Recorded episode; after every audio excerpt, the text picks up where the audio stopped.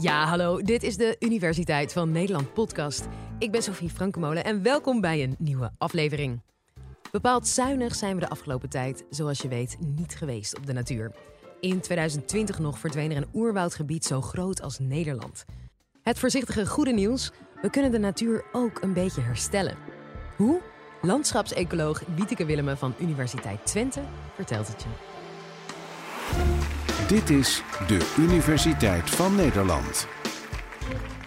Ik ben mijn dag vandaag begonnen met een lekkere kop koffie. Ik heb dit katoenen shirt aangetrokken en ik heb later nog een boek gelezen in de schaduw van een prachtige grote beukenboom in het park naast mijn huis.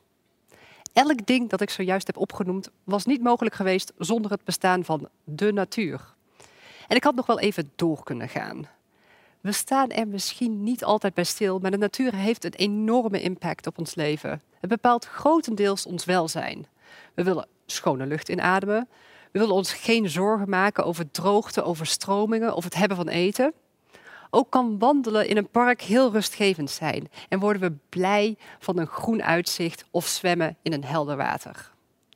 Toch gaat het niet goed met de natuur. Zo neemt de oppervlakte van de natuur elke 10 jaar met 4% af en worden er naar schatting 1 miljoen plant- en diersoorten met uitsterven bedreigd. En dat komt veelal door de keuzes die wij als mensen maken, waarbij de natuur vaak aan het kortste eind trekt. Zo moeten planten en dieren vaak plaatsmaken voor een nieuwe woonwijk, een groot landbouwgebied, of moeten ze wijken voor vervuiling. En dat is slecht nieuws voor de natuur, maar zeker ook voor ons, want die natuur hebben wij dus nodig. Maar gelukkig kan het ook anders. De kennis en invloed die wij hebben, kunnen we ook inzetten om soorten juist te beschermen en natuur te herstellen. In dit college vertel ik jullie hoe dat zit. Hoeveel de natuur waard is, is in de jaren 90 voor het eerst berekend door wetenschappers.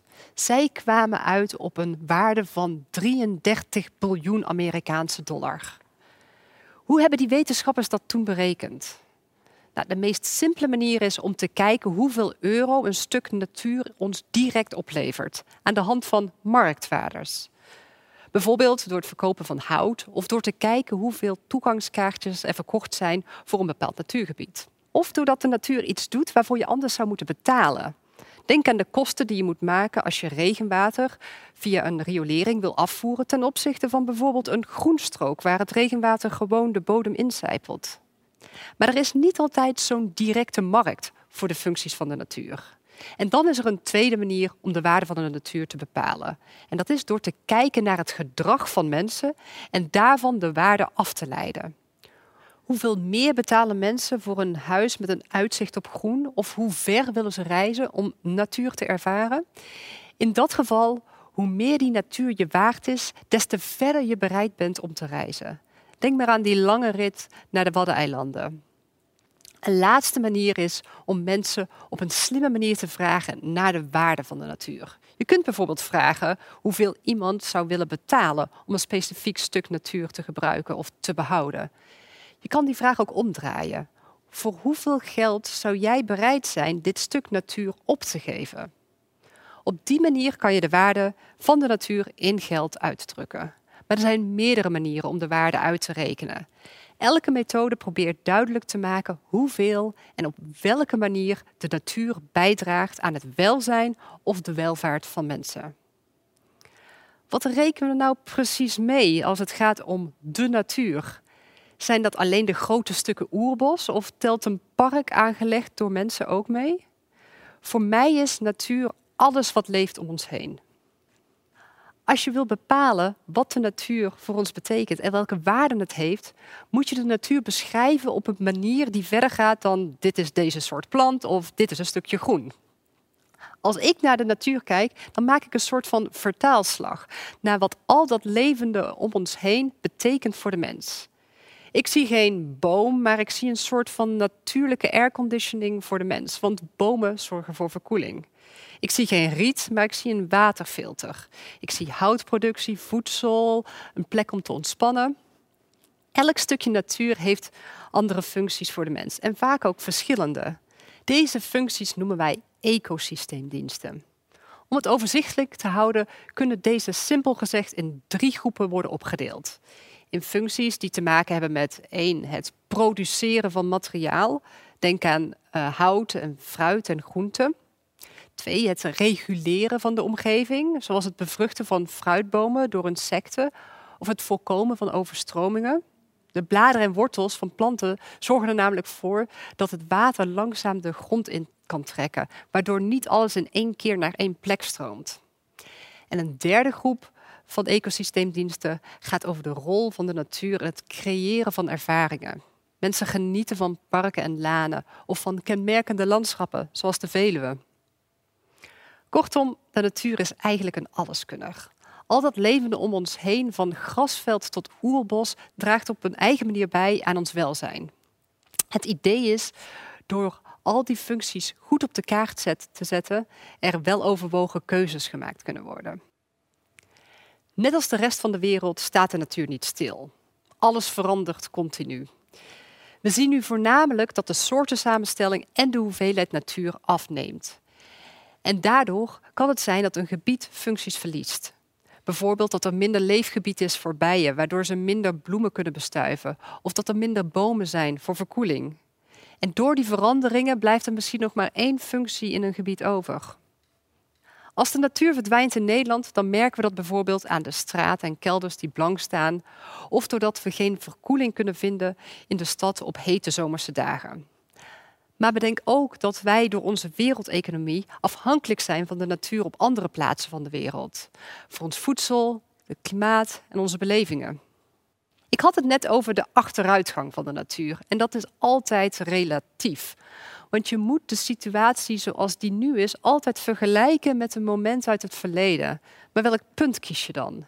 Ga je vergelijken met gisteren of hoe het was ten tijde van de industriële revolutie? Of op een, met het moment dat, het, dat, dat, dat voor het eerst mensen op aarde rondliepen? Dat referentiepunt moet je heel duidelijk hebben. Het is niet alleen belangrijk om te bepalen hoeveel iets veranderd is, maar ook om de oorzaak van die verandering te ontdekken. Dit soort analyses zijn belangrijk als je wil gaan kijken naar hoe je de situatie weer beter kan maken.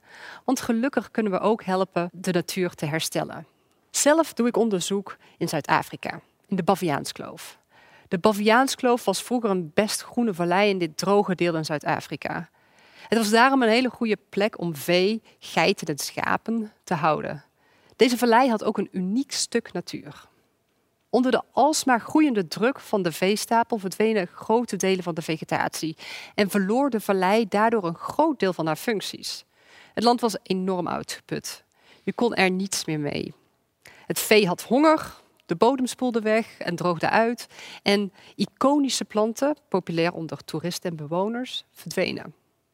Eind jaren 90 beseften de bewoners, hier is iets helemaal verkeerd gegaan. We moeten het anders doen. Om de natuur en die belangrijke functies in het gebied te herstellen, hebben de bewoners toen hun handen ineengeslagen en zijn natuur gaan maken.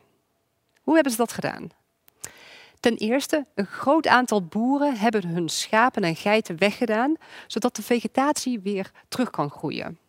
In plaats van geiten en schapen houden, zijn ze lavendel en rozemarijn gaan verbouwen. Hieruit kan een waardevolle olie gehaald worden voor de cosmetica-industrie. Een bijkomend voordeel is dat rozemarijn en lavendel maar weinig water en kunstmest nodig hebben. Daarnaast zijn er op meer dan duizend hectare jonge lokale boompjes geplant. Wij als onderzoekers houden nu heel goed in de gaten hoe dit gebied zich aan het ontwikkelen is. We kijken of, er weer, of het weer groener wordt en of er minder erosie is en of de waterloop zich herstelt. En of die iconische planten die typisch waren voor dit gebied weer terugkomen. Met dit onderzoek willen we beter begrijpen hoe, waar en wanneer de mens en de, de natuur met al haar functies kan herstellen. Voor dit onderzoek gebruiken we satellietbeelden. Die beelden zijn waardevol om meerdere redenen. Zoals ik al zei, willen we heel graag de veranderingen goed in beeld hebben. En doordat er al decennia satellieten om de aarde cirkelen, kan ik met die satellietbeelden 30 jaar terug in de tijd kijken. Het moment waar de eerste acties daar werden ondernomen met als doel de natuur te herstellen. En ten tweede, met het blote oog is het lastig om verbeteringen van de natuur goed waar te nemen. Een verandering van als op de een van op de andere dag een heel stuk bos wordt gekapt, is vrij duidelijk. Daarentegen is hergroei, planten die langzaam terugkomen, veel lastiger te zien. Met satellieten kunnen we zelfs kleine verschillen gedurende een lange tijd detecteren. Laten we specifiek gaan kijken naar een satellietbeeld van de Baviaanskloof in Zuid-Afrika.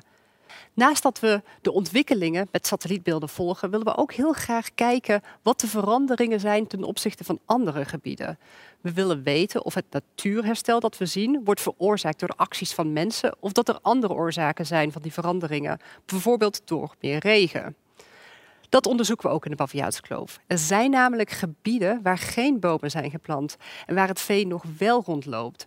En hoewel dit geen laboratoriumopzet is, kunnen we met computermodellen uitspraken doen over hoeveel, waar en hoe snel de natuur en haar functies beter worden. Dit soort uitkomsten geven ons veel inzicht over hoe wij natuur kunnen maken. De natuur hebben we nodig en investeren in natuurherstel is het waard. Gelukkig ziet de Verenigde Naties dat belang ook. Vandaar de Decade on Restoration. Vanaf nu is er tien jaar wereldwijd aandacht voor het herstellen van natuur. En voor het maken van de natuur gaan consumenten, producenten, onderzoekers en organisaties samen aan de slag. Dus hoe kan jij zelf natuur maken? Kijk hoe jij, net als wat ze daar in Zuid-Afrika deden, de, de druk op de natuur kan verminderen. Geef de natuur de ruimte. Wip tegels uit je tuin, zet planten neer op je balkon voor een beetje verkoeling en blijdschap. Maak er wat moois van. Dank voor het luisteren. Dat was Wieteke Willemen. Ik hoop dat je wat hebt opgestoken. En wil je nou nog even verder luisteren? Check dan vooral de rest van onze playlist. Want we hebben nog veel meer colleges voor je in de aanbieding. En er komen er elke week twee bij. In de volgende aflevering hoor je of je commerciële bedrijven die zeggen dat ze de wereld willen redden, moet geloven. Tot dan!